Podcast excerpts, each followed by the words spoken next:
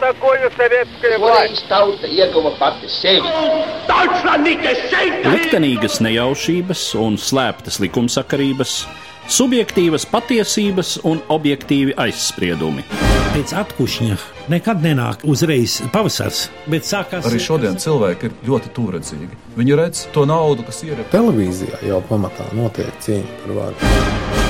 Pagātne no šodienas skatu punkta un šodienas caur pagātnes prizmu. Raidījumā šīs dienas acīm. Latvijas radio eterā Eduards Liniņš. Labdien, cienījamie klausītāji! 1941. gada 7. decembra rītā radists no amerikāņu kara bāzes Pearlharborā, Havaju salās ziņo: notiek uzbrukums Pearlharborai. Šī nav mācību trauksme. Mans sarunas biedrs studijā šodien ir Latvijas Universitātes profesors Ines Feldmans. Labvakar. Labvakar. Tātad Japāņu uzbrukums amerikāņu kara bāzei Pearlharborā, Havaju salās, kas ir galvenā amerikāņu kara flotes bāze Klusajā okeānā, notiek katrā ziņā amerikāņiem visnotaļ negaidīti. Man atmiņā ir iespiedies tāds citā sakarā lasīts citāts, ko ir teikusi ap šo laiku Krievu zvejniece Anna Hmatova, un viņa ir izteikusies tā: Amerikāņi ir kā naivi bērni, bet Japāņi ar savu ļauno viltu pārvērtīs viņus zvēros. Cik jūs varat piekrist šādai nostādnei? Japāņi viltīgi ļaundari, kuri uzbrūk, protams, nepiesakot karu, un amerikāņi naivi bērni pārsteigti nesagatavojušies. Nu, Ziniet, šeit jau laikam tikai daļēji var piekrist šim izteikumam, jo principā jau teikt, ka uzbrukums amerikāņiem bija pilnīgi negaidīts, tas laikam tā īsti neatbilstu patiesībai. Nu, tas, ka Japāņi ir viltīgi diplomāti, ka viņi mācīja amerikāņus iemidzināt. Šeit varbūt ir daļa patiesības, jo Japāņu diplomāti tiešām prata tajās sarunās, kas norisinājās pirms Japāņu uzbrukuma ASV jūras kara bāzei Perlharborā. Tiešām šīs sarunas norisinājās no 41. gada jūnija līdz 41. gada novembra beigām. Tad praktiski tiešām radīja tādu pārliecību, ka nesoties to, ka amerikāņi šajās sarunās visu laiku mēģināja izaicināt Japāņus, izvirzot viņiem dažādus nepieņemamus noteikumus, kā Japāņu karaspēka izvākšana no Ķīnas un Indoķīnas, bet eh, tomēr Japāņu diplomāti prata radīt tādu pārliecību amerikāņos, ka viņš šīs sarunas nepārtrauks, ka viņš šo dialogu turpinās. Nu, šādā aspektā varbūt Japāņu diplomātiem tiešām izdevās eh, amerikāņus iemidzināt.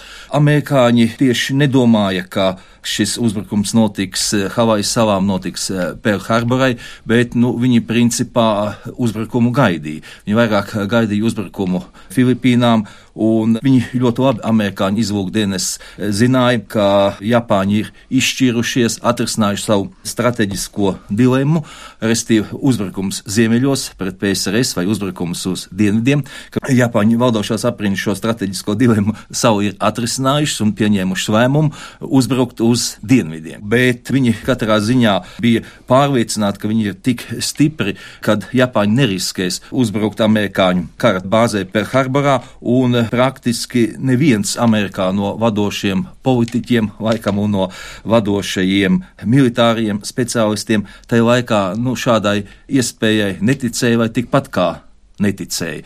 Un varbūt arī šāda gaisotne radīja arī tādu situāciju, ka šis Japāņu uzbrukums šai amerikāņu jūras un gaisa kara bāzē Perlharborā tomēr izrādījās nu, tik graujošs no pirmā acu uzmetiena. Nu, vēlāk izrādījās, ka jau nemaz tie zaudējumi varbūt tik lieli nav. Jūs jau ierunājāties par šīm Japāņu strateģiskajām alternatīvām. Tātad tajā brīdī, 41. gada nogalē, šķiet, ka no vienas puses Amerika ir pēdējā no pasaules tā brīža lielvarām, kur vēl nav iesaistījusies šajā globālajā militārajā konfliktā, vismaz netieši. Runājot par citiem lielajiem spēlētājiem tā brīža pasaules politiskajā un militārajā spēlē, nu, Padomju Savienībai klājas diezgan smagi tajā brīdī. Hitlera karaspēks stāv Maskavas pievārtē, un faktiski šķiet, ka Maskava kritīs, ja runa par 41. gada decembra sākumu. Arī Britiem diezko labi tajā brīdī neiet. Tātad Britu karaspēks Ziemeļāfrikā diezgan smagi cīnās pret itāļiem un vāciešiem, un nebūtu nav skaidrs, kurš varētu ņemt virsroku. Kāpēc Japāņi izšķiras dot triecienu it kā visstiprākajam? Un pie kam valstī, kura nav skaidri vēl pozicionējusies šajā konfliktā? Nu, šeit jau var mazliet jāatcerās priekšvēsture. Japānas un ASV attiecības jau kopš 41. gada sākuma ir diezgan sarežģītas.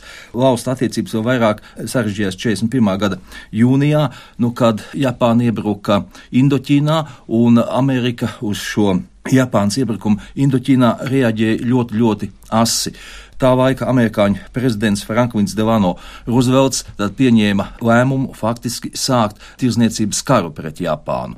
Un šī tirzniecība ar Amerikas Savienotām valstīm Japānai bija ļoti, ļoti svarīga, jo Japānai trūka daudzas, daudzas, teiksim, izēvielas, kuras viņi nu, līdz tam saņēma arī no Amerikas Savienotām valstīm, tā skaitā arī naftu, benzīnu un tā tālāk. Tā kā šis pieteiktais tirzniecības karš Japāņiem bija ļoti, ļoti būtiska lieta, un Japāņi šo Amerikas Savienoto to valstu pieteikto tirzniecības karu, jeb šie pieteiktos embargo, uztvēra kā amerikāņu centienus ne tikai ierobežot Japānas tālākās attīstības iespējas, bet iznīcināt faktiski Japānu kā lielvalsts. Tāpēc arī pakāpeniski Japānas valdošajās aprindās nu, šī doma nobrieda par šo triecienu došanu dienvidu virzienā. Te jāņem vērā arī tas moments, ka daudz šīs dienvidu austrumāzijas valstis, kam Japāna plānoja uzbrukt vai kolonijas, tās jau bija ļoti bagātas ar izēlielām. Un līdz ar to Japāna arī šādā veidā nu, cerēja atrisināt visas savas ekonomiskās problēmas, kādas viņai bija kā valstī, kam ir ļoti maz pašai savu izēlielu.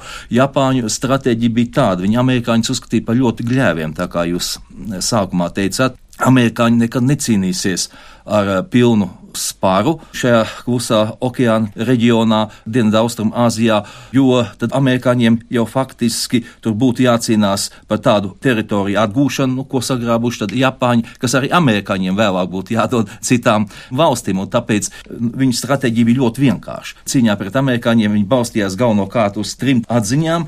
Tā pirmā, ka Japāņi plāno zibenskaru, viņi gribēja maksimāli ātri iekarot iespējami plašākas teritorijas Dienvidaustrum Āzijā. Otrkārt, ja amerikāņi grasītos Japāņus no iekarotiem apgabaliem padzīt, tad um, Japāņiem būtu jāmēģina amerikāņiem nodarīt tik lielu zaudējumu, lai amerikāņi būtu spiest atteikties no cīņas un piekrist jaunam status quo.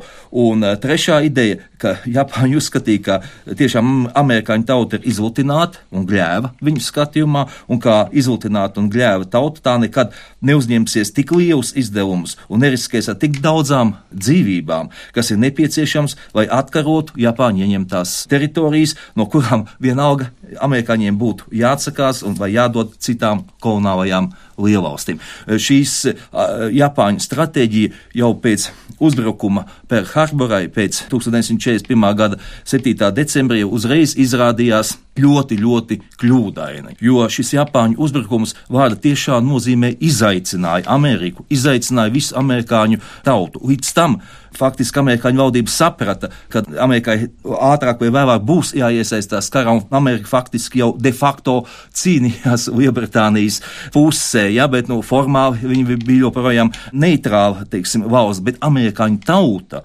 savā lielā vairākumā arī vēl 41. gadā bija pret Amerikas Savienoto valstu iesaistīšanos militāros konfliktos. Viņi pieturējās pie senās amerikāņu ārpolitiskās doktrīnas, pie izolacionisma doktrīnas, uzskatīja, ka amerikāņiem nu, nav šajā karā jāiesaistās. 39. gadā bija notikusi aptauja pēc Vācijas uzbrukuma Polijai, tad vēl pat 86% amerikāņi bija pret ASV iesaistīšanos karā, bet šis Japāņu uzbrukums vienas dienas laikā nu, pārvērtīja, izmainīja amerikāņu tautas psiholoģiju. Viņi reaģēja ļoti, ļoti asi. Piemēram, Perharborā amerikāņu flote cieta diezgan liels zaudējums, tā saucamā līnija kuģu flote, ja visi astoņi šajā bāzē esošie līnija kuģi tādā vai citādā veidā tika skarti un vairāk tika pat pilnīgi iznīcināti un nogremdēti. Kopumā tur 18 kuģiem tika nodarīts eh, kaut kāda skāde, bet Japāņi ar šo uzbrukumu Perharborai nesasniedz divus galvenos mērķus. Pirmais galvenais mērķis šeit Perharborā neatradās amerikāņu aviācijas bāzes kuģi. Trīs aviācijas bāzes, tad kuģi atradās citur. Un otrais, ko Japāņiem neizdevās, viņiem neizdevās iznīcināt tojās savās uzkrātās naftas rezerves, kas bija ļoti, ļoti lielas, ja, un tās arī neizdevās iznīcināt. Bet Tad, kad viens no šiem aviācijas bāzes kuģiem nākošā dienā, 8. decembrī, atgriezās Perharboras ostā un ieraudzīja to lielo postāžu, kas ir pēc Japāņu lidmašīnu uzbrukumiem, tad eh, šī aviācijas bāzes kuģa Enterprise eh, kapteinis, kontradmirālis Halsejs izteicās, proti, viņš eh, bezspēcīgā niknumā izdvēsa. Tad, kad mēs pievarēsim Japāņus, tad Japāņu valodā runās tikai vēl LV. Tad, restīvi, nu, tas arī parāda, kā eh, noskaņojuma maiņa. Arī visa Amerika bija ļoti sašutusi, un bieži vien tā laika publikācijās ir teikts, ka visu Ameriku pāršauca aklās dusmās izkliegts eh, sauciens - dzeltenie bastārdi. Pret Japānu uzplaiksnīja Amerikā ļoti liels naids, un šis naids noveda pie daudzām negatīvām parādībām, ka vairāk nekā 100 tūkstoši Japāņu izcelsmes amerikāņu tika ievietoti nometnēs eh, pasludināt ārpus likuma un uh, izsekot. Amerikāņi vispār bija ļoti sašutuši un gribēja vispār noskaidrot, kā bija iespējams Japāņiem nu, īstenot šādu negaidītu uzbrukumu. Viens ir šis Japāņu priekšstats par amerikāņiem kā karot nespējīgu nāciju. Nu, tas ir varbūt tāds psiholoģisks uzstādījums bet Amerikas ekonomiskie un arī cilvēku resursi jau nevienam pasaulē tomēr tobrīd nebija noslēpums. Kāda vieta šim argumentam bija Japāņu strateģiskajā plānā? Jā, jums ir simtprocentīgi taisnība, jo tik liels militārais potenciāls, kāds bija Amerikas Savienotām valstīm tajā laikā, nebija nevienai citai valstī. Pēc 1937. gada datiem faktiski amerikāņiem piederēja tuvu pie 40% no pasaules militārā potenciāla. Nu, šo militāro potenciālu dažādi aprēķina, ņemot vērā valsts eh, nodrošinātību ar izēvielām, ar zelta rezervēm, ar valūtu, kvalificētu darba spēku, kāds ir rūpniecības jaudas, un šeit neviena cita valsts jau eh, Amerikas un tām valstīm netuvumā nestāvēja, nu, piemēram, Vācijas un Padomju Savienības šis militārais potenciāls tika vērtēts gandrīz kā līdzvērtīgs un mazliet pār par 14%. Un Ameriku jau tolaik dēvēja par snaudošo milzi, un tas, kā Amerika ir snaudošais milzis, to viņi arī parādīja otrā pasaules karā, izvēršot tādus bruņošanās rūpniecības attīstības tēmas. Kuri nav apstājušies joprojām? nu, jā, neviena valsts līdz tad netika. Es saku, 43. gadā, kad tika uzņemti šie vislielākie apgriezieni, tad jau amerikāņi ražoja gandrīz trīsreiz vairāk militārās produkcijas nekā Padomju Savienība vai nekā tad Vācija. Un Amerika ražoja viena pati daudz vairāk nekā visa Vācijas nometne kopā. Ja?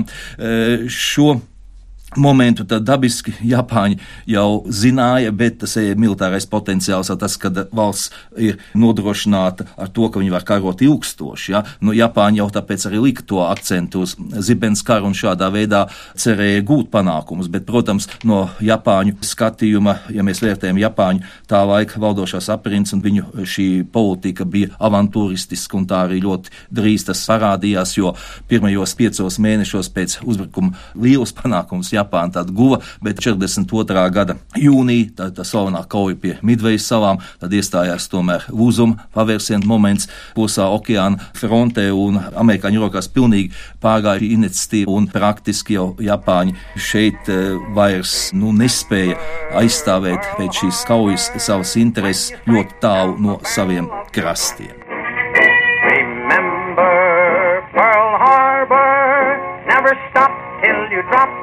Everyone.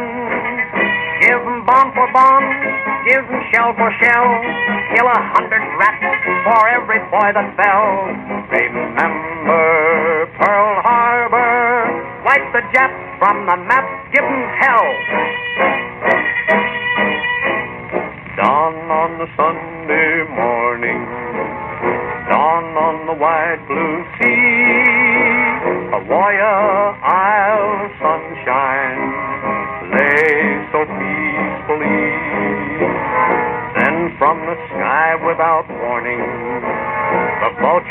swarmed to attack. Hiding behind their peace talk, they stabbed our boys in the back. 1941. gada 8. decembrī prezidents Franklins Delano Roosevelts uzrunāja Savienoto Valstu kongresu. Vice President, Mr. Speaker, members of the Senate, of the House of Representatives, yesterday, December 7th, 1941, a date which will live in infamy. The United States of America was suddenly and deliberately attacked Vakar, 1941. gada 7. decembrī, dienā, kas turpmāk būs kaunpilnas rīcības iezīmēta, Japānas impērijas jūras un gaisa spēki pēkšņi un tīši uzbruka Amerikas Savienotajām valstīm. Savienotās valstis bija mierīgās attiecībās ar šo valsti, un vēl vakar turpinājas sarunas ar Japānu un tās imperatoru, lai saglabātu mieru Klusā okeāna reģionā. Stundu pēc tam, kad Japāņu bumbvedēju eskadrīļas bija uzbrukušas Oahu, Japānas vēstnieks un viņa kolēģi iesniedza valsts sekretāram formālu atbildi uz pēdējo Amerikas vēstījumu. Šī atbilde apliecināja, ka šķiet bezjēdzīgi turpināt pašreizējās diplomātiskās sarunas, tomēr tā nesaturēja kara uzsākšanas vai bruņota uzbrukuma draudus. Attālums no Japānas līdz Havaju salām liek nepārprotami secināt, ka uzbrukums bija ieplānots jau daudzas dienas vai pat nedēļas iepriekš. Kā armijas un flotes virspavēlnieks, es jau esmu devis pavēli veikt visus pasākumus mūsu aizsardzībai. Mēs allaž atcerēsimies, kāds bija šī uzbrukuma raksturs, neatkarīgi no tā, cik ilgu laiku mums prasīs šī iebrukuma atvairīšana. Amerikāņu nācija ar visiem tās spēkiem cīnīsies līdz galīgai uzvarai. Es ticu, ka pareizi interpretēju kongresa un tautas gribu, apgalvojot, ka mēs ne tikai aizstāvēsimies līdz pēdējai iespējai, bet arī panāksim, ka vairs nekad netiekam pakļauti šādam nodevīgam uzbrukumam ar paļāvību uz saviem bruņotajiem spēkiem, ar mūsu tautas bezgalīgo apņēmību mēs gūsim uzvaru un lai Dievs mums palīdz. We will gain the inevitable triumph, so help us God. Remember Pearl Harbor in the air, on the land, on the sea.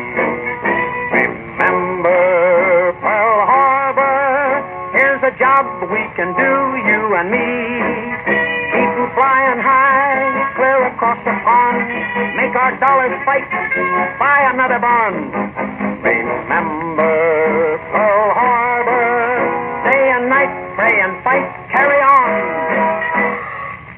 Japānas uzbrukums Perhabarai ir ļoti tāds nozīmīgs, ja mēs vispār runājam par Otro pasaules karu. Jo daudzu autoru tad skatījumā tikai pēc šī Japānas uzbrukuma Perhabarai vispār sākās Otrais pasaules karš. Karš ieguva tiešām globālu raksturu, jo līdz tam tad praktiski norisinājās it kā atsevišķi savstarpēji nesaistīti kari. Karš Eiropā, karš Āzijā. Ja? Un tieši šis Japānas uzbrukums Perhabarai savienoja šos karus, jo pēc šī Japānas uzbrukumu Perharborai pēc ASV iesaistīšanās Otrajā pasaules karā karu Amerikas Savienotām valstīm pieteica arī Vācija un Itālija.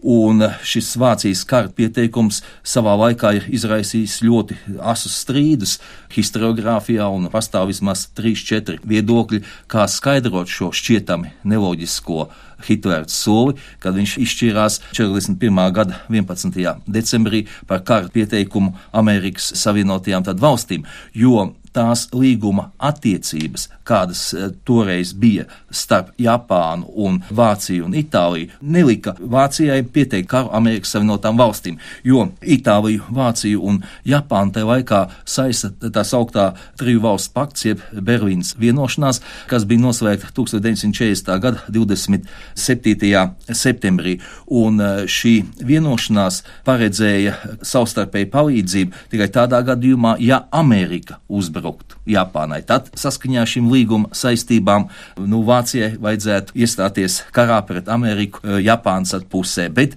šeit jau Perharborā ir otrāds gadījums, proti eh, Japāņi uzbruk un līdz ar to līgums neprasīja vāciešiem iesaistīties karā, bet vācieši tomēr iesaistījās. Mūsdienās jau šis jautājums ir gandrīz atrisināts. Vairums no vācu vēsturniekiem šodien ir vienisprāts, ka Hitlers negribēja pieļaut Pirmā pasaules kara situācijas atkārtošanos, jo mēs zinām, ka Pirmajā pasaules karā bija izveidojusies it kā pata situācija. Vācija bija guvusi uzvaru austrumos pret Krieviju, bija noslēgts Brestas miera līgums, kur vēlāk papildināja arī Berlīnas vienošanās. Rietumos bija iestājies tās spēku līdzsvars, un šeit šo spēku līdzsvaru, jeb šo pata situāciju izjauca 17. gada pavasarī ASV iesaistīšanās karā, kas nosvēra kara kausus par labu Antantei, un Vācija cieta sakauta. Tad Hitlers negribēja šādas situācijas atkārtošanos, un tāpēc pirms viņš pieteica karu Amerikas Savienotajām valstīm, viņš saņēma no Japānas valdošām aprindām apliecinājumu, ka Japāna nekad neizstāsies no otrā pasaules kara. Līdz ar to Hitlera strateģiskais koncepts bija tāds, ka Japāna tomēr ir tik spēcīga, lai piesaistītu sev zināmu Amerikas Savienoto Valstu spēkus un arī Britu spēkus, nu, kas neļautu Amerikai katrā ziņā pilnu jaudu karot Eiropā pret Vāciju. Bet nu, ir dažādas citas koncepcijas, kas šo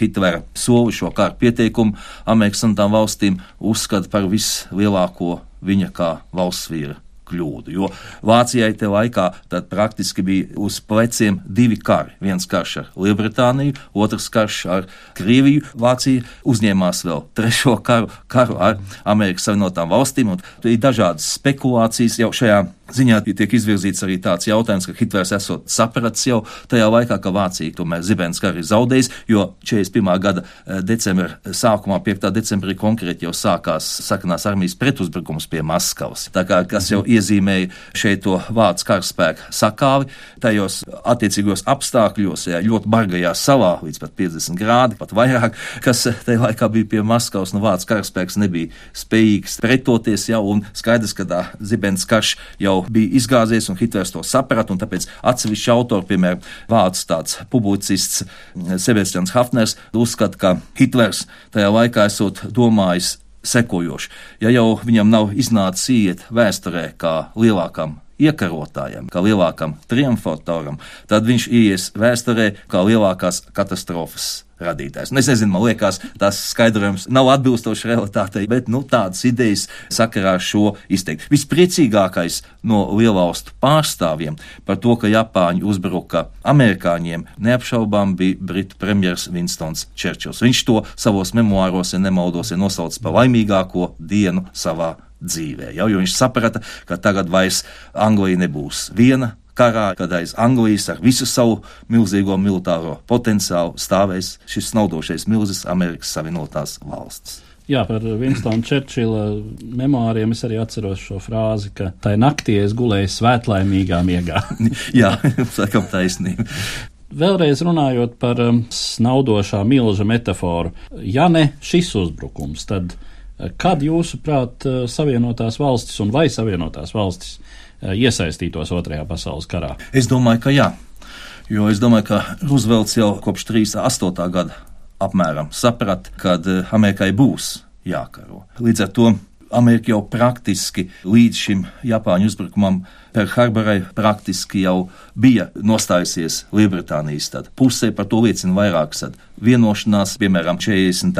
gada 2. septembra vienošanās, saskaņā ar kuru Amerika piegādāja, jeb nodeva Lielbritānijas rīcībā 50 nu, diezgan novecojušu mīnu kuģus apmaiņā pret dažām bāzēm Britu kolonijās Amerikas kontinentā. Tad viņš visādi jau meklēja tādu iemeslu, kādā veidā Amerika var iesaistīties karā Lielbritānijas pusē. To, kā jākaro, to amerikāņu valdība, es saku, es domāju, jau kopš 38 gada saprata, bet Amerikā tā nav tik vienkārši lieta. Amerikā jāņem jau vērā šī sabiedriskās domas nostāja tā bija izteikti vērsta pret ASV iesaistīšanos karā līdz Japānas uzbrukumam Perl-Harborai. Šādā aspektā šis eh, Japānas uzbrukums nu, atrisināja amerikāņu valdībai šo situāciju. Šajā ziņā arī Hitlera solis, šis kara pieteikums 11. decembrī, arī Amerikas Savienotām valstīm bija izdevīgs, jo diez vai tajā laikā Roosevelts varētu panākt akceptu Amerikas iesaistīšanai karā pret Vāciju, ja nebūtu Hitlera solis šis eh, kara pieteikums. Un tas jau viss ir, protams, spekulācijas, ja? tas ir no alternatīvās vēstures, jā, teiksim, viedokļiem. Kaut vai ņemot vērā to, cik daudz amerikāņu ir procentuāli vācu izcelsmes. Jā, nu, Roosevelts jau bija noskaņots eh, diezgan pret vāciešiem. Viņš visus vāciešus uzstīja par nacistiem, visus nacistus par noziedzniekiem un visus noziedzniekus par tādiem, kas ir jāsoda. Ja, tā kā eh, viņa tā nostāja bija diezgan vienkāršota, bet es varbūt gribētu arī dažus vārdus pateikt par otru aspektu, kas radīja arī zināmas problēmas Amerikai. Proti, amerikāņu tauta jau bija ļoti pārsteigta par šādu mm, Japāņu uzbrukumu. Viņi nevarēja saprast, kā Japāņiem tas eh, izdevās. Jūs iedomājaties, Japāņu šī kara kuģa vienība, kuru komandēja Japāņu admirālis Nagumo, neatklāta bija nobraukusi 6000 km. Ja, no Kuriļu salām, no bāzes līdz Havaju salām, nu, no Havaju salām 200 jūdžu attālumā šie kuģi apstājās, un tad sekoja šie lidmašīnu uzbrukumi. Un amerikāņi bija ļoti pārsteigti par to, ka nefiksēja amerikāņu radara iekārtas šo lidmašīnu uzbrukumus, un tāpēc jau arī Roosevelts bija spiests reaģēt uz eh, šādu tautas noskaņojumu, un 41. gada 18. decembrī jau sāka savu darbību pirmā izmeklēšanas komisija, kā tas eh, bija iespējams, ka Japāņi varēja negaidīt pārsteigt, tad uzbrukt netraucēt šai kara bāzei Pearl Harborā un te izveidot speciālitāte komisija, tiesneša Roberts vadībā. Tie secinājumi bija tādi visai izvairīgi. Savā ziņā visa atbildība tika likta uz attiecīgiem amerikāņu karaspēku komandieriem, ja, gan uz sauszemes karaspēku eh, komandieri eh, ģenerālu Šortu, gan arī uz jūras eh, spēku komandieru Klusā okeāna reģionā, tas ir admirālu Kimelu, bet, nu, principā nekas tāds it kā noziedzīgs šajā ziņā atrasts, nu, netika kaut gan pēc tam, jau arī pēc otrā pasaules kara, arī vēl darbojās vairākas komisijas, kas mēģināja šo gadījumu izpētīt. Un šajā sakarā varbūt ir nu, radušās arī dažādas spekulācijas, varētu teikt, pat sazvērstības teorijas, nu, no kurām viena ir kaut kā tāda, ka Ruzvelts ir zinājis par šo Japāņu uzbrukumu, ja principā tika pieļauts šāds uzbrukums, lai amerikāņiem būtu iegans iesaistīties otrā pasaules karā. Nu, nopietnā historiografijā nu, šādas sazvērstības teorijas gan tiek apšaubītas un apgāstas. Jāsaka tā, domājot par visu šo situāciju, scenārijs amerikāņi iegrimuši zināmā pašapmierinātībā un tiek negaidīti pārsteigti ar nekaunīgu postošu uzbrukumu. Taisnība sakot, šis scenārijs mums šķiet pazīstams arī no daudz nesenākas vēstures. Es te domāju 2001. gada teroristu uzbrukumu Ņujorkas starptautiskiem tirdzniecības centram. Kā jums šķiet, nu, ja es jūs tā provocētu uz tādu paralēļu vilkšanu starp vēsturiskiem notikumiem un šodienu, vai tie, kuri plānoja uzbrukumu Ņujorkas dviņu torņiem, kaut kādā mērā gaidīja līdzīgu Amerikas reakciju, kā tas bija uz uzbrukumu Pearl Harborai. Nu, ziniet, šo jautājumu jau tā diezgan grūti ir atbildēt. Nu, praktiski jau šķiet, toreiz, 41. gadā, jau es norādīju, ka amerikāņi principā nu, nevar iedomāties, ka tās uzbrukums var notikt. Es domāju, arī 2001. gadā grūti viņiem bija iedomāties, ka tāds uzbrukums var tad notikt, kaut gan laikam amerikāņu slepeno dienestu rīcībā kaut kādas ziņas bija. Es domāju, ka šeit šie uzbrukumi varbūt tādā tīri psiholoģiskā plāksnē izraisīja vienādu reakciju amerikāņu. Amerikāņu tauta ļoti mobilizējās, kā toreiz 41. gadā, pārvērtās no snaudošā milža par īstu milzi, kas nodrošināja uzvaru otrā pasaules karā šai koalīcijai, nu, kur par šo tad vēstures liturā dēvē par antihitarisko koalīciju. Nu, šodien arī pēc 2001. gada sekoja diezgan enerģiska amerikāņu rīcība, nu, kas gan laikam pie tiem cerētiem rezultātiem īsti nenoveda. ar to mēs varbūt arī varētu noslēgt šo sarunu, ka ir zināms paralēls. Un pirmkārt jau, protams, šī amerikāņu tautas un arī valdošu aprindu reakcija, bet nu, tiešas analoģijas starp otrā pasaules kara notikumiem un to, ko mēs vērojam šodien pasaulē, laikam tomēr nav. Nu, nu, pilnīgi taisnība jums, jā. jā un, un tas tāpēc... ir iedomājot tādā aspektā kā tautas mobilizēšanās enerģiskākai rīcībai nekā līdz tam. Es pateicos par šo sarunu Latvijas Universitātes profesoram Inesim Feldmanim. Paldies! Paldies. Par pagātni sarunājas Eduards Līniju.